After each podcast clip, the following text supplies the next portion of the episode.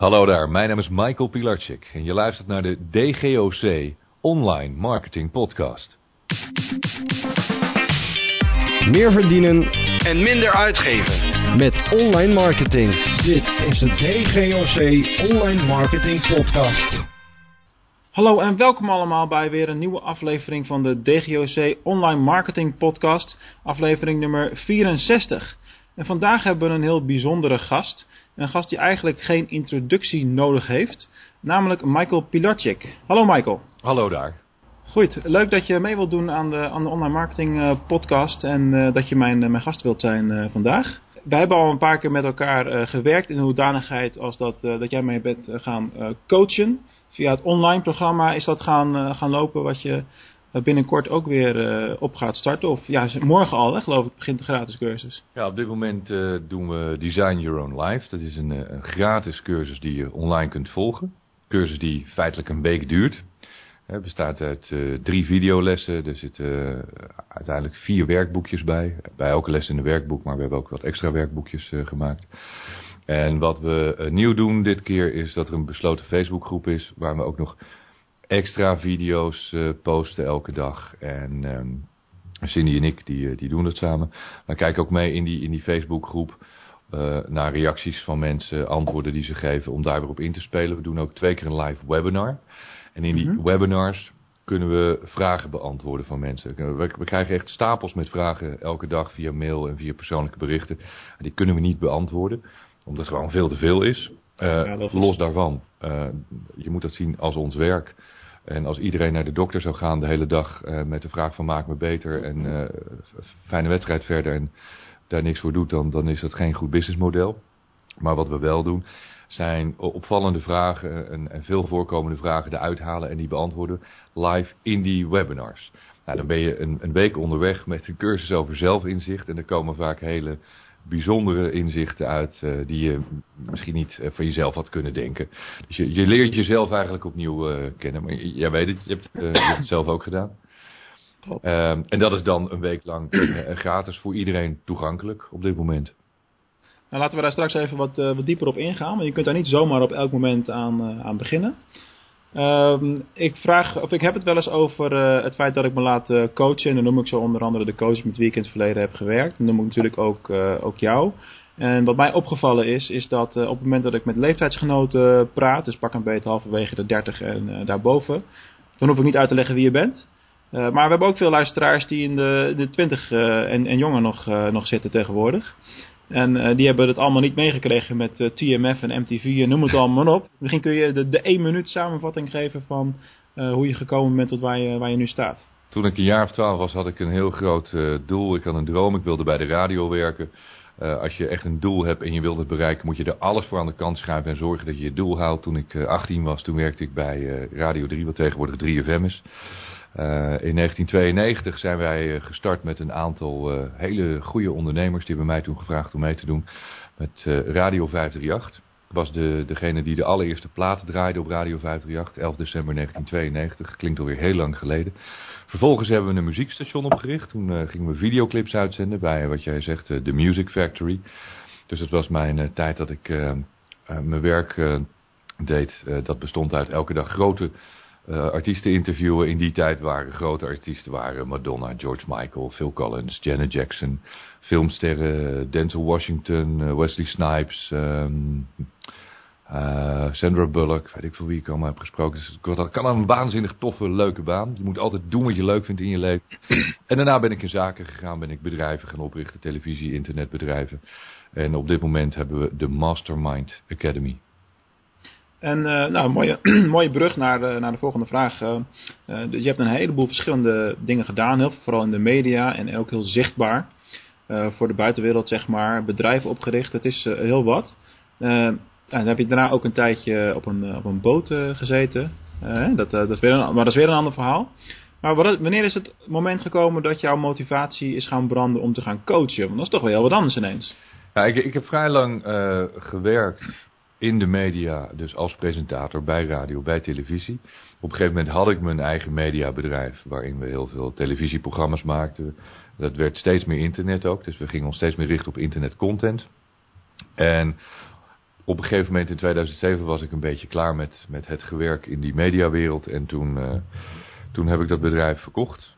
Uiteindelijk mijn andere bedrijfjes ook uh, verkocht. Want ik had één hele erg grote droom. Je moet een grote droom hebben in je leven. En dat was op een boot wonen. Ik ben gek van zeilen. En ik wilde graag een, een lange tijd gaan zeilen. Dus ik ben, uh, met mijn boot ben ik vertrokken. Ik heb uiteindelijk zo'n uh, zo'n 40 maanden rondgezeild in de Middellandse Zee. En tijdens die 40 maanden dat ik aan het zeilen was, heb ik ook nog een boek geschreven, Dans in de Hemel. En een beetje in die periode dat ik, dat ik aan het zeilen was en uiteindelijk in Barcelona terecht ben gekomen, is, uh, is een beetje het, het, het coachen ontstaan. Ik, uh, ik zat heel vaak op een terrasje daar en dan kwamen er mensen langs en dan begon ik een praatje mee. En die kwamen met allerlei grote levensvragen.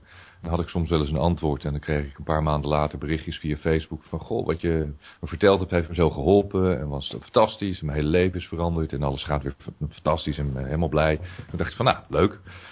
En mm -hmm. um, dat, was, dat was een van de aanleidingen. Dat ik dacht van goh, uh, ik, ik kan dus blijkbaar mensen helpen met de kennis en ervaring die ik heb. En mensen komen ook met vragen bij mij. Dat waren twee groepen eigenlijk. Uh, meer de studenten tussen de 25 en de 30 jaar. En een groep uh, van rond de 40, 45. En die laatste groep had zoiets van, wat ga ik de rest van mijn leven nog doen? Okay. En die eerste groep had meer zoiets van, wat ga ik überhaupt doen? Want ik heb een beetje gestudeerd. Maar ik geloof niet dat dat het nou is. Hoe ga ik er een leuk leven van maken? En daar had ik wel altijd wat goede suggesties voor. Want ik heb één motto en dat is leef je mooiste leven. En ik hoop ook dat iedereen dat echt gaat doen, want het is vrij kort dat leven. Dus mm. uh, verspil geen tijd, je toekomst wordt elke dag korter. En er was nog een ander heel belangrijk moment. Ik uh, ontmoette uh, Cindy, mijn vriendin, in, in Barcelona 2010. En die kwam ik een keer tegen. En die ging, ehm, die ging daarna ook weer weg. En toen kwam ik er een paar jaar later weer tegen. En toen ging ze met me mee zeilen. En aan boord heb ik een aantal uh, leuke boeken staan, waaronder uh, Think and Grow Rich van uh, Napoleon Hill, Synchroniciteit van Deepak Chopra, De Kleine Prins, De Alchemist van Coelho. Maar oh ja, ook, ook, heel veel boeken over, heel simpel, hoe, hoe denkt de miljonair, hoe word je heel erg rijk, hoe hou je het beste uit jezelf. En zij, zij ging mee zeilen. En wij lagen een een periode voor Anker bij uh, Mallorca in de buurt. En ze begon al die boeken te lezen. En toen kwam ze op een dag weer buiten. En toen zei ze, joh, waarom heb ik dit nooit geleerd op school? Waarom, waarom leren we dit nooit op school? Waarom moeten we al die, die rare dingen als topografie leren? En weet je, al die dingen die je op school leert.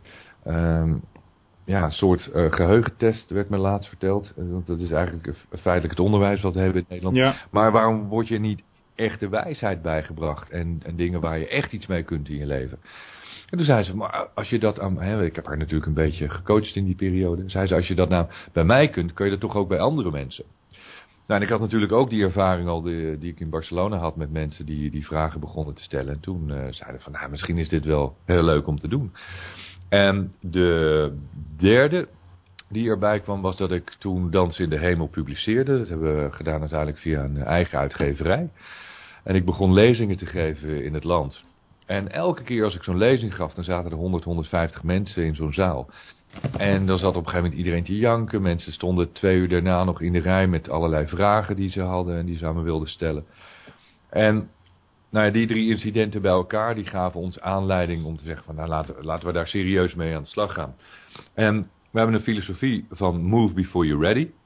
Zonder daar nou heel erg diep over na te denken en businessplannen te maken hebben we bedacht om een locatie te huren. Cindy heeft een zaal gehuurd.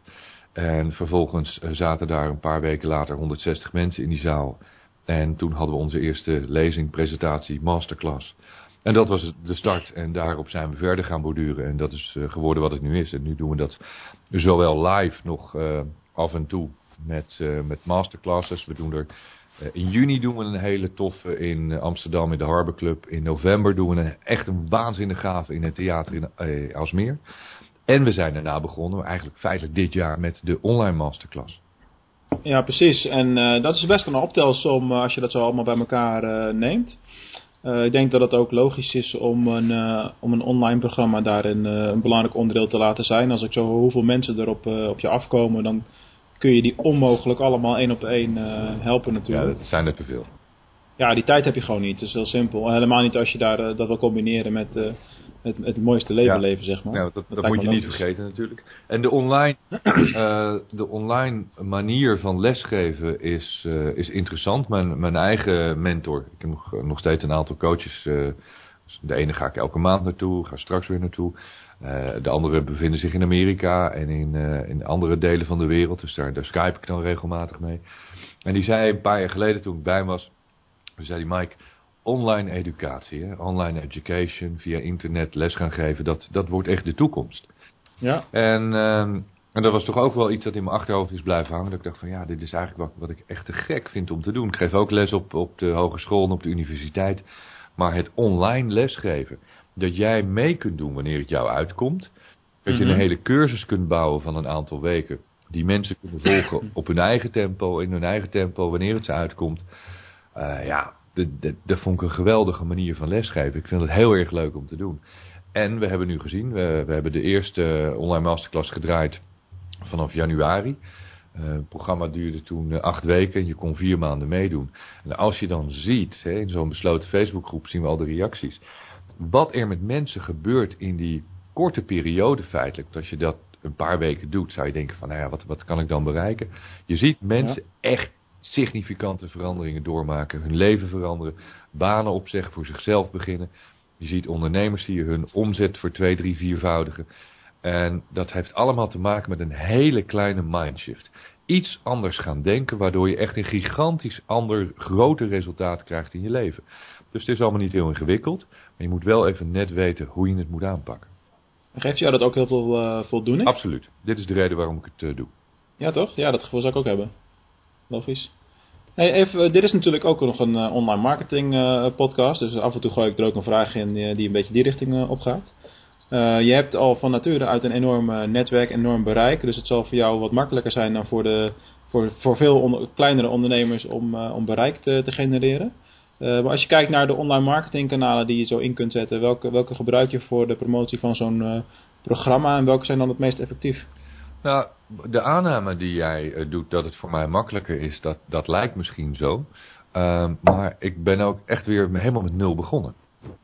Dus eh, vanuit die optiek ben ik ook nog steeds de mini kleine ukkepukkie ondernemer die het allemaal zelf moet uitvinden. ik heb er wel iemand bij die het heel erg goed begrijpt allemaal. Cindy, die, die, Ja. hè, zij is eh, erg into de online marketing, daar is ze onwaarschijnlijk goed in. Eh, ik had daar, eh, en nou ja, nog steeds niet heel veel verstand van. Ik leer natuurlijk wel een hoop. Maar ik geloofde bijvoorbeeld niet dat je met Facebook eh, marketing kon bedrijven. Toen ik, Ja, toen ja, ik. Dans in de Hemel uitkwam, zei Cindy, je moet, of wij moeten eigenlijk alles gaan marketen via Facebook. Want daar zit onze doelgroep, daar zit de lezer. En eh, ik moet er gelijk geven, want daardoor hebben we uiteindelijk meer dan 60.000 boeken kunnen verkopen. Niet omdat er zoveel support kwam van eh, media, radio, televisie. Maar uiteindelijk ben ik overal wel geweest. Maar het is begonnen met Facebook. En als je kijkt naar wat we nu doen, er zijn eh, best wel veel mensen die, die, die meedoen, die waanzinnig enthousiast zijn. En je hebt natuurlijk altijd een hele grote groep die geen idee heeft wat je doet. Of mensen kennen mij nog van eh, vroeger, eh, toen ik muziek speelde, maakte, plaatjes draaide, televisieprogramma's presenteerde. En voor die mensen is het echt zo van, wat, wat is hij nu weer aan het doen? Dus je moet je opnieuw gaan profileren. Je moet heel duidelijk maken wat je doet. Je moet het vertrouwen winnen van je, je klant of wie je wilt bereiken. En ehm, dat, dat, dat ga je dus doen via die kanalen die er zijn. Antwoord op je vraag. We gebruiken eh, heel veel Facebook. Ik ben zelf eh, vooral fan van Facebook. In mindere mate van LinkedIn en eh, ook een beetje Twitter. Maar wat ik doe, Mhm. ik ben en oprecht, ik ben betrokken en ik geef iedereen aandacht. Hè, als je kijkt ook op onze social kanalen. eh, ik, ik heb persoonlijke berichtjes en, en mail kan ik niet beantwoorden. Want ik heb daar ook een duidelijke, eh, eh, voor mezelf een duidelijke beslissing in genomen. Dat gaat niet. Maar op het moment dat mensen reageren op mijn post, op mijn, op mijn podcast, op mijn filmpjes. Dan Mhm. probeer ik iedereen te beantwoorden. Ja, daar heb je natuurlijk ook het voordeel dat jouw antwoorden ook gelijk eh, door de rest eh, van de mensen Dan kan die iedereen meelezen. kunnen worden. Ja, ja dan heb je, hebben die er ook aan. en ik, ik, ik probeer echt wel goede antwoorden te geven. Waar je iets mee kunt. Ik geef niet mijn mening. Ik eh, vertel niet, niet soms, hè, bij uitzondering doe ik dat ook wel. Maar ik vertel meestal niet wat ik ervan vind, maar hoe het is. Mhm. Hè, op basis van mijn ervaring en mijn, mijn kennis kan ik heel veel eh, psychologisch benaderen. En kan ik ook zeggen, maar joh, dit is zo. Hè, ik kan niet zeggen dat je het verkeerd ziet, maar zie je het eens op deze manier. Hoe vind je het dan?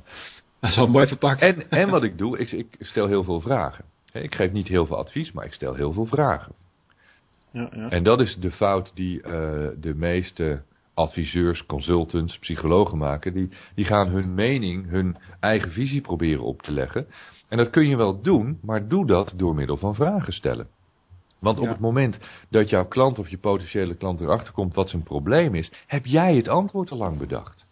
Ja, maar het grappige wat jij nu vertelt, dat zo werkt het binnen de online marketing eigenlijk ook. Eh, als wij aan een traject beginnen, dan is het ook heel veel vragen stellen aan het begin, waardoor die klant in ons geval moet gaan nadenken over wat ze nou eigenlijk willen bereiken online. Ja, nou kijk, ik heb het natuurlijk zelf gehad toen ik mijn mediabedrijf had en, internet startte, weet je. Toen ik mijn eerste grote mediabedrijf begon was eh, de, de internethype van eh 99, 2000. Dus praten we over 16, 17 jaar geleden.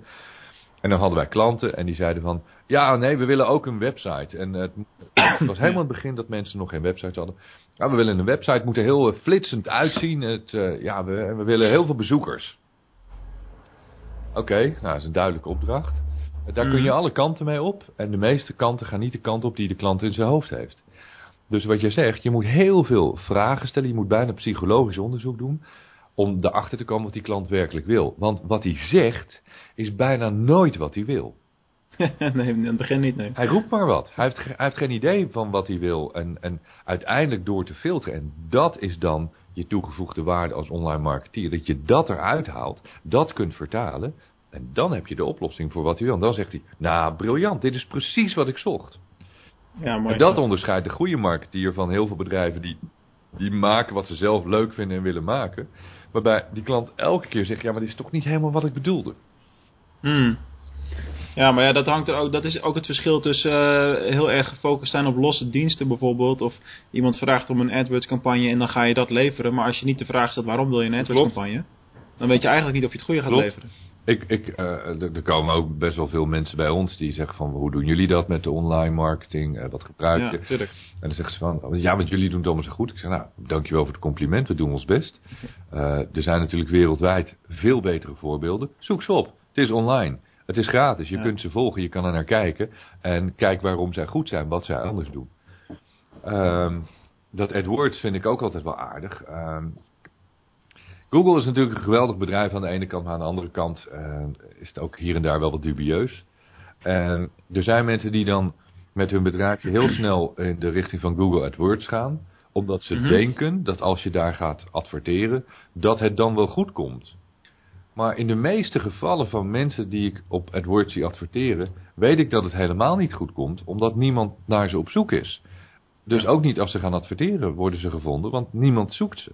Dus je zult een andere manier moeten gebruiken om op te vallen. En, en die kennis hebben maar heel weinig mensen. En dus wordt Ja, ook dat- heel veel geld eh, verspild op die manier. Ik denk dat het ook afhangt van het soort eh, product. Want eh, de, de business waar jij in, in zit leent zich heel goed voor inspiratie. En daar is Facebook eh, natuurlijk fantastisch eh, voor. Eh, maar als je bijvoorbeeld producten verkoopt die je eh, alleen zoekt op het moment dat je ze nodig hebt. eh, dan is AdWords weer heel erg praktisch. Bijvoorbeeld bij auto-onderdelen. En dan heb ik ook een klant in die branche. En daar zie je dus dat, eh, dat men zoekt heel specifiek naar een onderdeel. Zelfs vaak met een nummer erbij. Op het moment dat ze hem dan nodig hebben, dan willen ze ook iets kunnen kopen. Ja, en dan werkt AdWords dus wel. Maar dat is heel zoekgericht, net als de, de gele gids van vroeger. Dan ga je, Ja. dan ga je echt iemand zoeken, weet je. Mijn mijn keuken staat eh, blank. Nu heb ik een loodgieter nodig in de woonplaats waar ik, waar Dat ik dus. ben. Dan wel. Maar Maar dat, dat, dat onderscheid moet je dus kunnen maken als, als online marketeer. Maar goed, gen- genoeg daarover. We eh, hebben nog een aantal andere leuke dingen eh, waar ik het graag heel even over, wil hebben met je. Jij bent nu heel erg druk de laatste tijd en het is bijna af met de vertaling van eh, Think and Grow Rich. Ja. Dat is natuurlijk een fantastisch, fantastisch idee überhaupt. Eh, eh, waarom ben je daar aan begonnen? Het is een boek dat ik ben gaan lezen voor het eerst toen ik 29 was. En dat heeft zoveel indruk gemaakt op me dat ik het direct drie keer achter elkaar heb gelezen. En toen, eh, de jaren daarna heb ik het echt nog tientallen keren gelezen. En dat boek is mijn bijbel geworden. alles wat ik feitelijk doe, ook in mijn cursussen, het is, het is de, de basis van alles is Think and Grow Rich. Het is de gedachte van uh, Napoleon Hill. Die heeft een, um, een boek geschreven, gepubliceerd in 1937 in die tijd, dus dan praat ik over begin 1900, heeft hij 500 mega succesvolle, de allerrijkste Amerikanen, zeg maar de quote 500, de Fortune 500 van uh, begin vorige eeuw, die mensen die heeft hij ondervraagd, die heeft hij gevolgd. Uh, mensen onder wie de presidenten van die tijd, maar ook Thomas Edison, de grote uitvinder, Henry Ford, van, de, de, oprichter van de Ford Motor Company. echt mensen die onze dagelijkse uh, wereld hebben veranderd. En uh, hij is gaan onderzoeken wat die mensen nou zo extreem succesvol maakten. Hoe het kwam dat sommige mensen echt bizar succesvol waren.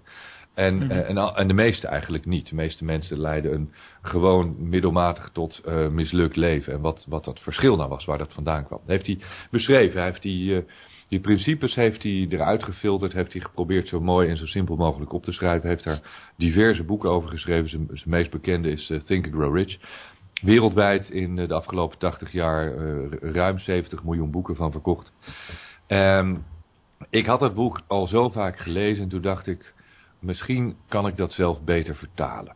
En omdat heel veel van de cursus die ik doe ook gebaseerd is op dat boek, uh, en ik dat boek aan iedereen adviseer, zag ik ineens dat heel veel mensen het boek gingen kopen. Toen dacht ik van, ja, 1 en 1 is 3 ja, natuurlijk dan. Toen dacht ik van, nou ja, weet je, als iedereen toch dat boek dan gaat kopen en gaat lezen, en ik adviseer het, kan ik het beter zelf vertalen, dat ik weet dat er een goede vertaling is, zoals ik vind dat ik het zou bedoelen, maar hoe ik denk dat Napoleon Hill het bedoeld heeft.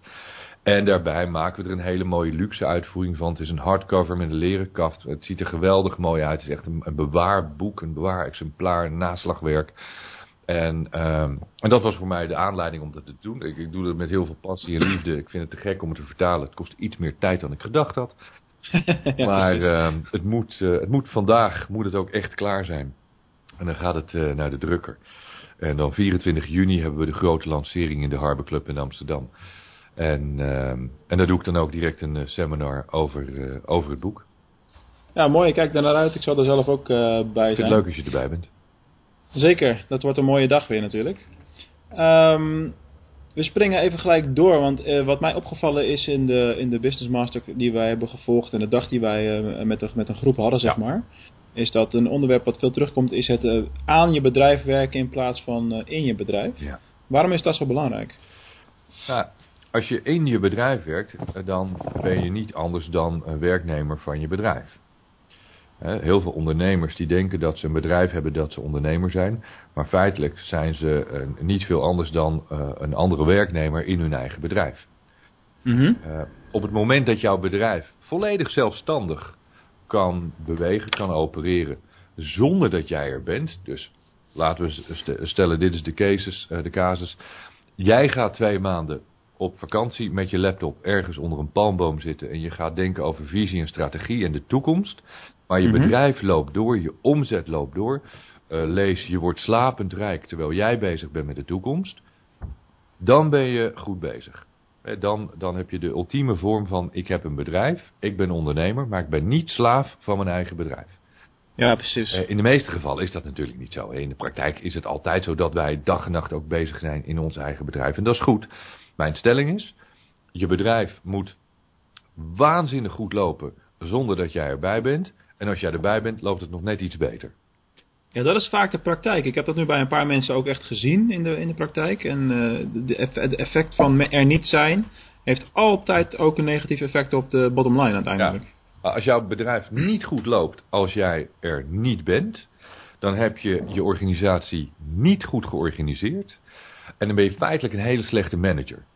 Mm. Uh, je zult zien dat dat vaak mensen zijn die een re relatief uh, bovengemiddeld ego hebben, die zichzelf helemaal fantastisch vinden. En zij zijn onmisbaar. Omdat zij zo fantastisch zijn, gaat het alleen maar goed als zij er zijn en gaat het niet goed als ze er niet zijn.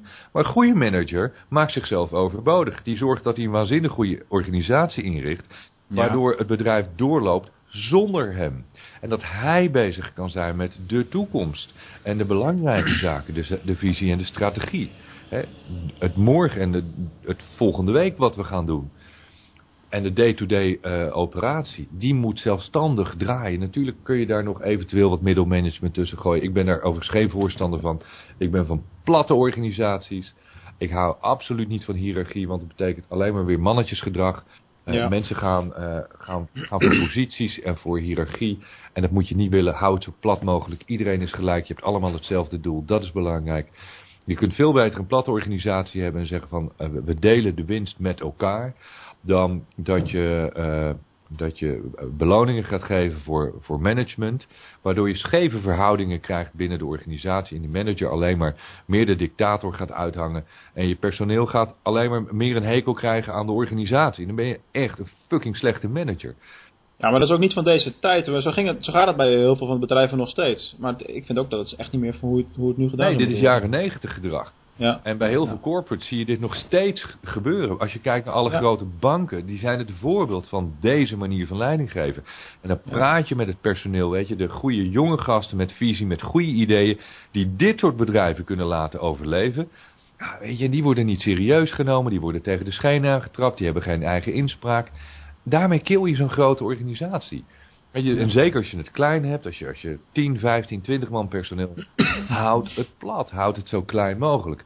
Veel verantwoordelijkheid bij iedereen. En jezelf zoveel mogelijk buiten de organisatie zetten.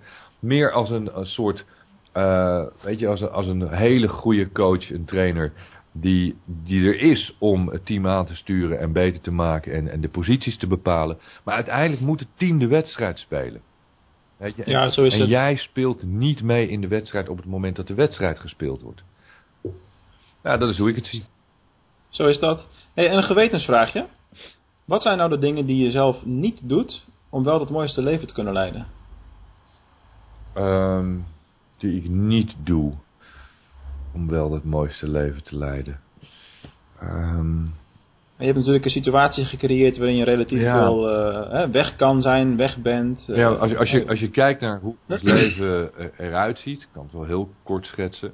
Wij reizen heel erg veel. De boot ligt in Barcelona, dus we zijn heel veel aan boord in Barcelona. Want daar hebben we toevallig nu ook dedicated internet via een ADSL-verbinding, dus een kabeltje liggen. Daar zijn we heel blij mee. Want dat is eigenlijk onze enige vereiste. We moeten internet hebben. We waren uh, ja. twee weken geleden een week hadden echt een waanzinnig mooi huis. We zijn huis aan het kijken op Ibiza. waanzinnig mooi huis. Op een berg. Middle of nowhere. Maar zo in de middle of nowhere. Dat je geen mobiel bereik had en je had geen internet. En toen hebben we ook wel ontdekt dat... Ik hou enorm van de stilte. Ik kan vreselijk genieten van de stilte. Daar kan ik me ook weken in terugtrekken. Maar niet op het moment dat ik bezig ben met de lancering van een online masterclass. Niet op het moment dat ik een boek aan het vertalen ben en ik heb online woordenboeken nodig, dan gaat het gewoon niet. Hè? Dat... Nee, nee, nee. Dus wij, wij, leven ons leven heel erg op die manier. We, we zijn zoveel mogelijk daar waar we willen zijn. We zijn veel in de zon.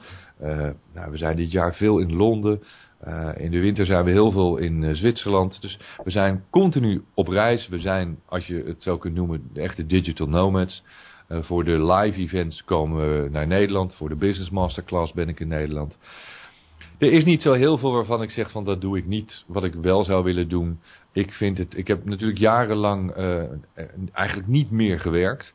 Uh, sinds twee jaar ben ik weer fulltime aan het werk. Op dit moment geniet ik er mega van. Ik zou op dit moment niks anders willen doen. We hebben ook heel duidelijk besloten om, om geen lange zeilreizen meer te maken de komende jaren. Vorig jaar ben ik nog zes, we of zes maanden weg geweest. We hebben gezegd, dit is focus, het is belangrijk, je moet een keuze maken elke keuze die je maakt, elke beslissing die je neemt, bepaalt de koers van je leven. En wij hebben gezegd, dit is wat we de komende jaren gaan doen. Dit vinden we gaaf. Maar ja, je, je volgt ook heel duidelijk, je volgt ook heel duidelijk je hart daarin. Absoluut. En daar gaat, daar gaat het Absoluut. om. ik, ik, ik doe wat ik leuk vind. Uh, daarom kan ik dat 24 uur per dag doen. Ik word niet moe. Het geeft me energie. Ik zou niks anders willen doen. En ik denk ook uh, dat ik dit nog wel heel lang kan doen. Weet je, we hebben samen een hele duidelijke missie. Uh, je ziet, we, willen geen grote organisatie met heel veel personeel. Maar je mm -hmm. merkt dat het, dat het niet gaat met z'n tweeën. Dus we hebben nu wel administratieve, administratieve ondersteuning. We hebben uh, iemand die ons heel erg helpt met, uh, met mail, met, weet je, met, met, met dingetjes die binnenkomen. Al die posts, want ik vind dat alles beantwoord moet worden, maar wij hebben er geen tijd voor. We hebben een waanzinnig goede gozer nu erbij. Die helpt met strategie, met visie, met online marketing. Ja, weet je, ik, ik wil wel mensen hebben op hetzelfde niveau. Die vanuit hun hard werken, die, die volledig gedreven zijn, die er keihard voor gaan.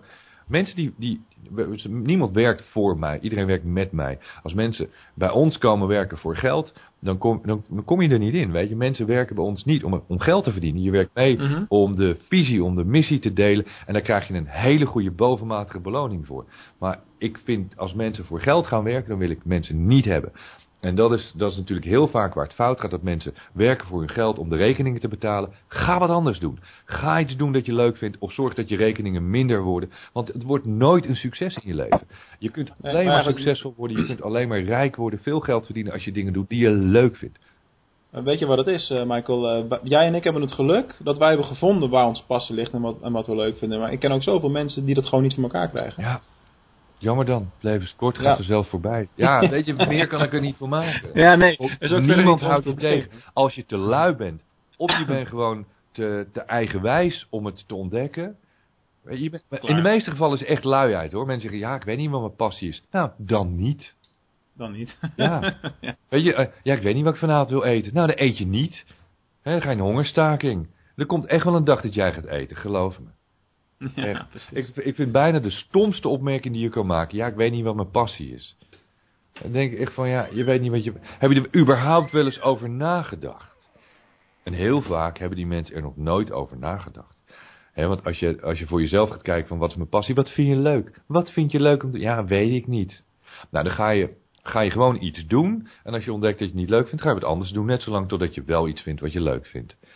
Eh, Michael, ik sluit het interview altijd graag af met twee vragen die ik aan eh, alle gasten stel. Is een soort huisstijldingetje bij ons eh, in de podcast. Waar zie jij jezelf staan over vijf jaar? Dus de glazen bol, zeg maar. Nou, wij, wij, wij doen met heel veel plezier wat we nu doen. En onze visie, mijn persoonlijke visie voor de komende jaren, is om hier ook echt wel mee door te gaan. En de rest van de wereld over te gaan. En als je aan mij vraagt, eh, waar sta je over vijf jaar? Dan praten we over 2021. Dan denk ik dat we met onze online masterclass sowieso wel eh, in de hele wereld bekend zijn. We, rollen uit begin volgend jaar met de Engelse versie. We zijn bezig op dit moment om eh, live events te organiseren in het buitenland. We zijn in Duitsland aan het praten en in Polen. En zelf zou ik heel graag meer naar Azië willen masterclasses gaan doen op Bali. Eh, waarschijnlijk ook nog wel in Australië wonen en, eh, en uiteindelijk ook eh, in Amerika op het podium gaan staan. Dus in onze planning zit wel dat we met heel veel, met veel business class tickets zullen gaan rondreizen in de komende jaren. Dat is echt een hele mooie, mooie ambitie. Dan zie je ook nog eens het een en Ja. ander. Moet je alleen niet van hotel naar hotel gaan natuurlijk. Dan- Je Ja, reist, je ja. doet dingen en je ziet de hele wereld weer. Super, hartstikke mooi. Eh, en dan eh, tot slot, misschien moet je dan even naar, naar links of naar rechts kijken. Ik weet niet waar, eh, waar Cindy nu, nu zit. Want het, ja, het is een online marketing podcast natuurlijk. Wat is nou jouw gouden online marketing tip? Ehm, ik denk dat de belangrijkste tip, belangrijkste advies dat ik zou kunnen meegeven is... wees oprecht, wees zuiver en oprecht in wat je doet. En geef aandacht. Geef heel veel aandacht aan mensen, aan je klanten, om de mensen om je heen. Mensen in de, in de basis, die willen maar twee dingen. Dat is liefde en waardering. Grootste problemen kun je ook allemaal terug herleiden naar een gebrek aan liefde, bang zijn dat je geen liefde krijgt of geen waardering. Eh, kritiek van anderen, dat betekent automatisch, ik krijg geen waardering. Als je mensen waardeert, als je ze aandacht geeft, doen ze alles voor je. Dan worden ze fan. Op het moment dat, een- dat iemand fan van je is, dan zijn ze bereid om je missie te delen. Dus je moet mensen zien te overtuigen van wat jij wilt, dan gaan ze met je meedoen. Je moet ze in je laten geloven. Dat kan alleen door die verbondenheid met elkaar op te bouwen. En daarvoor moet je heel veel aandacht geven. Eh, er wordt toch vaak de fout gemaakt dat, dat er ehm, heel plat wordt geadverteerd, weet je. Dat eh, zul je zelf ook meemaken, dat mensen maar van alles posten en, Ja. rondstrooien. Zonder dat vanuit die aandacht te doen. Geef veel weg. Geef veel aandacht. Geef waarde weg. Geef geen bullshit weg. Mhm. Op het moment, ik, ik heb wel eens van iemand gehoord, dat dat vind ik heel mooi om mee af te sluiten dan. Op het moment, en dat is ook de reden dat wij heel waardevolle content weggeven. Dat ik jou, weet je, je, je, je, je pasgevonden vriendin, die neem je voor, voor de eerste keer mee uit eten. Ja? op het moment dat ik jou meeneem naar een fantastisch mooi restaurant. Met een fantastische fles champagne. En een heerlijke atmosfeer. En we gaan echt lekker eten. En oké, die rekening die is dan een beetje aan de hoge kant. Maar ik heb het ervoor over, want ik wil investeren in jou. Ik wil een leuke avond hebben. En ik, ik wil jou het vertrouwen geven. Ik wil je aandacht geven. Wat denk je dat er met haar gaat gebeuren daarna? Of versie 2. Ik neem jou de allereerste keer neem ik jou naar uh, McDonald's of naar een of andere goedkope snackbar. Wat denk je dan dat het meisje denkt? Van, wow, de volgende keer neemt je me mee naar het Okura? Nee, natuurlijk niet. Als je, als je de eerste keer gefukt wordt, word je daarna ook gefukt. Dus dan ja, ja, ja. op deze manier trouwen en denken later wordt het wel beter. Het wordt nooit beter. Als het niet goed begint, wordt het nooit beter. Dus geef zoveel mogelijk aandacht en waardevolle content weg. Ja, dat is echt een mooi voorbeeld van je zaait wat je oogst. En, uh, en, en, zo is het ook gewoon in de praktijk. Heel simpel. Michael, fantastisch. Hartstikke bedankt uh, dat je mee wilde doen aan het, uh, aan het interview. Zo ad hoc. Ik wens je veel succes bij het afronden van Think and, Grow Rich. De Nederlandse vertaling. Kijk er naar uit om hem straks te Dank lezen. Dank voor alle vragen. Dank dat ik aanwezig mocht zijn. Super. Luisteraars, jullie ook bedankt. En tot de volgende keer maar weer. Tot de volgende DGOC Online Marketing Podcast.